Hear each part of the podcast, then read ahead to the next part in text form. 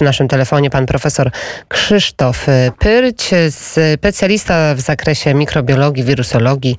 Witam serdecznie. Dzień dobry. Dzień dobry.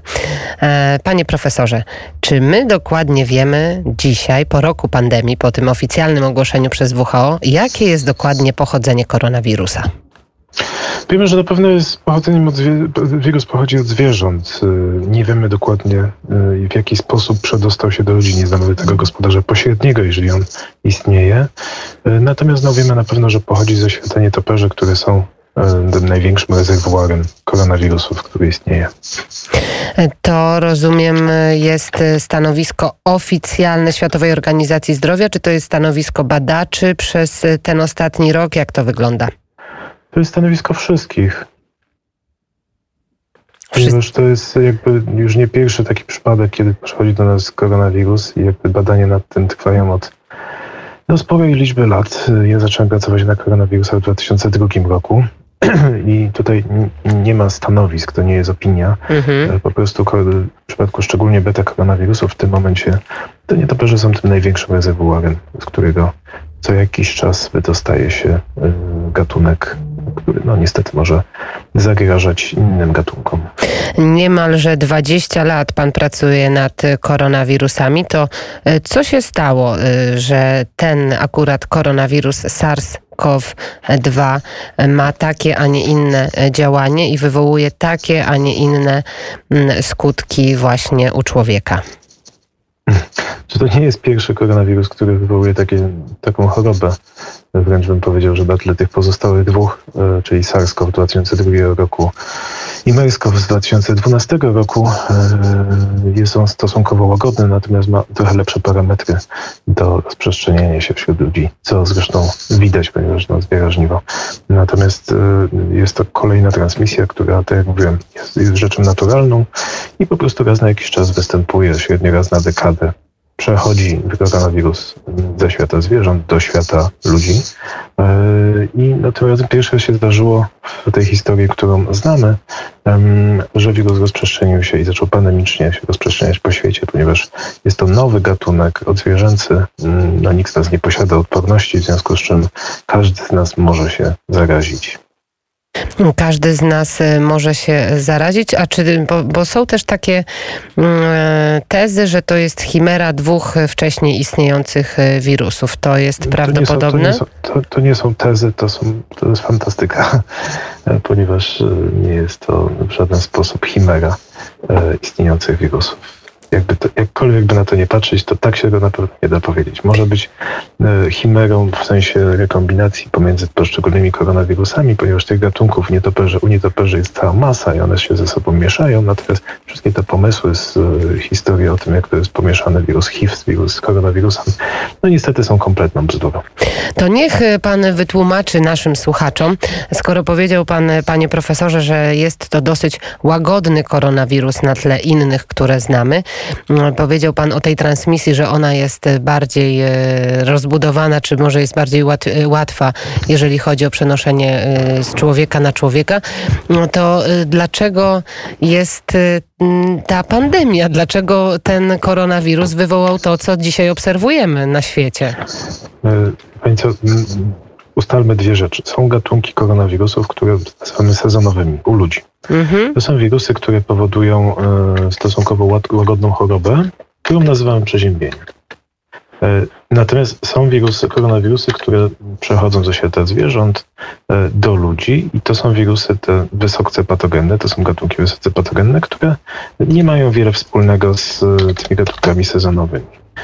Pamiętajmy, że jeżeli mówimy koronawirusy, to nie, są, nie jest jak psy na przykład, tylko to jest gigantyczna rodzina wirusów, które różnią się od siebie w bardzo dużym stopniu. Są koronawirusy, które u zwierząt powodują również przeziębienia, są takie, które powodują e, biegunki, ale są takie, które powodują śmiertelne w 100% zapalenie otrzewnej i całą gamę innych chorób. To to nie jest, koronawirus to nie jest pojedynczy gatunek, jeden byt. W związku z tym mamy y, koronawirusy te sezonowe, do których my jesteśmy przyzwyczajeni, do których, y, które się do nas zaadoptowały, które do tego stopnia się zaadoptowały, że właśnie powodują nas przeziębienia i nikt się nimi specjalnie nie przejmował, nie przejmuje. A są te wysoce patogenne, takie jak właśnie SARS, MERS i SARS-2, y, które no, charakteryzują się jednak znacznie większą śmiertelnością i co więcej, znacznie częściej powodują ciężką chorobę. E, mówiąc o tym, że, że ten wirus jest łagodniejszy, odnosiło się wyłącznie do tych dwóch poprzedników. SARS miał śmiertelność na poziomie około 10%, e, bardzo mało przypadków bezobjawowych. MERS ma cały czas, bo on cały czas występuje około 40%.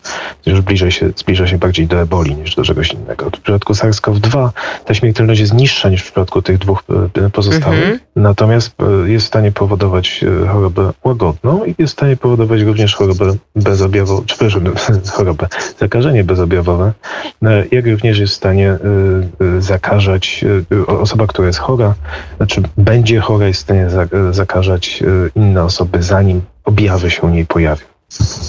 Także złożenie tych cech, czyli tej stosunkowo wysokiej śmiertelności w porównaniu do standardowych wirusów, które wiążą z łatwością przenoszenia się i łatwością ukrycia się w populacji, powoduje, że no, niestety rozprzestrzenia się pandemicznie i efekty tego niestety teraz widzimy na przykład w Polsce. E, jak pan patrzy w przyszłość, e, panie profesorze? Mm, ile czasu ta pandemia będzie jeszcze trwała? Czy pan w ogóle zastanawia się, że w, po prostu w pewnym momencie i po szczepionkach, i po no, przechorowaniu, po jakiejś odporności, e, to po prostu będzie wirus, tak jak pan powiedział, tak jak te wcześniejsze, że my po prostu będziemy to dużo łatwiej przechodzić i przechodzić tak jak przeziębienie? Prawdopodobnie tak się wydarzy. Oczywiście to są w tym momencie czyste spekulacje z mojej mhm. strony. Natomiast e, no, uważa się, że te koronawirusy, które się pojawiły wśród ludzi, e, teraz są nazywane właśnie tymi sezonowymi, na które nikt nie zwraca uwagi. 100 czy 1000 lat temu stanowiły realne zagrożenie dla naszego zdrowia i życia i one, tak jak mówiłem, one się zaadaptowały do nas, a my się zaadaptowaliśmy do nich, ponieważ my chorujemy z powodu zakażeń tymi sezonowymi koronawirusami. E, właściwie co roku, co roku każdy z nas się zaraża. E, u dzieci powyżej 8 roku życia wszystkie dzieci już są jakby po zarażeniach tymi czterema koronawirusami sezonowymi. E, także ja bym zakładał, że faktycznie tak się stanie, ponieważ my tego wirusa raczej się nie pozbędziemy. Są zbyt duże rezerwuary wśród zwierząt i zbyt duże rozpowszechnienie wśród ludzi. Natomiast przez zaszczepienie się osiągniemy właśnie taki poziom odporności, który po pierwsze E, zablokuje takie pandemiczne rozprzestrzenianie się wirusa, czyli zablokuje mm, no, taki lawinowy przyrost przypadków, a po drugie zmniejszy y, y, y, częstość występowania ciężkiej choroby i również tych Czyli co, rok, dwa, trzy przed nami jeszcze? No ja liczę na to, że te szczepionki już w, zobaczymy tego efekt, efekt w tym kolejnym sezonie. W tym sezonie teraz, no teraz jesteśmy w środku zimy, więc jeszcze troszkę za wcześnie jest na to, żeby oczekiwać, że szczepionki coś zmienią z dnia na dzień. Tam pamiętajmy, że też od zaszczepienia do uzyskania odporności musi minąć sporo czasu. No właśnie, ile czasu musi minąć? Mhm. No w przypadku to zależy od szczepionki, natomiast na przykład w przypadku szczepionek mRNA zakłada się, że też ta odporność jest na wystarczającym już poziomie tydzień po podaniu drugiej A dawki. na ile ta znaczy, odporność że... nam starcza? To jest chyba najbardziej istotne pytanie. To znaczy, to jest pytanie, które trochę upraszcza rzeczywistość, dlatego że mm, czy pyta Pani, na ile mamy przeciwciała, czy tak. na ile mamy odporność? Bo to nie jest jednoznaczne. Mm, to, to, to i to niech Pan nam wytłumaczy, na ile czasu mamy odporność, a ile czasu mamy przeciwciała. Znaczy na żadne z tych pytań Państwu nie odpowiem, e, podając konkretną datę. Na pewno ta odporność jest e, dosyć trwała. Wygląda na to, że e, no, przez kilka lat się będzie utrzymywała. Pojawiają się co prawda warianty, które są w stanie unikać tej odporności, czy to po zakażeniu, czy w mniejszym stopniu po szczepieniu. Natomiast to, że nam spada ten poziom przeciwciał, to nie jest jednoznaczne z tym, że my zostajemy bez obrony. E, dlatego, że no, nasz organizm ma troszkę więcej systemów obronnych niż tylko te przeciwciała. One są najprostsze do zmierzenia, więc je się stosuje jako taki wyznacznik, ale tutaj z uproszczenia też dochodzimy do przekłamania, że mm, to, że mamy przeciwciała oznacza, że jesteśmy w 100% chronieni, a to, że nie mamy, to jesteśmy w 100% wrażliwi. Jeszcze inne komponenty odporności tutaj się nakładają, które wpływają na to, że te reinfekcje na przykład, czy reinfekcje po szczepieniach prawdopodobnie przez dłuższy czas będą znacznie łagodniejsze. Czyli tu jest e, trochę niewiadomych jednak mimo wszystko. No jesteśmy w środku pandemii. Jakby było wszystko wiadome, to pewnie byśmy sobie z nią poradzili już do tej pory, prawda? A czy my możemy powiedzieć, na ile czasu po przechorowaniu y, ko choroby COVID organizm ma taką naturalną odporność na tego No wirusa? niestety krócej niż po szczepieniu. To tu również nie ma odpowiedzi jednoznacznych, dlatego że proszę pamiętać, że trzeba niestety musi upłynąć x czasu, żeby powiedzieć, że tyle trwa. W przypadku szczepień widzimy, że ta y, odporność jest trwała. W przypadku przechorowania widzimy, że już pojawiają się raporty o y, ponownych zakażeniach, o reinfekcjach. Y, I y, również ten poziom przeciwciał zaczyna spadać. U niektórych osób w niewielkiej części dosyć szybko, u większości powoli, ale jednak się obniża. Także w tym momencie uznaje się, że po przechorowaniu możemy uznawać się za odporne między 3 a 6 miesięcy. Później tak naprawdę to pozostaje nie wiadomo. A po szczepieniu?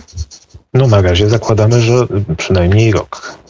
A później będziemy, te, dane będą analizowane, które będą pochodziły z kontynuacji badań.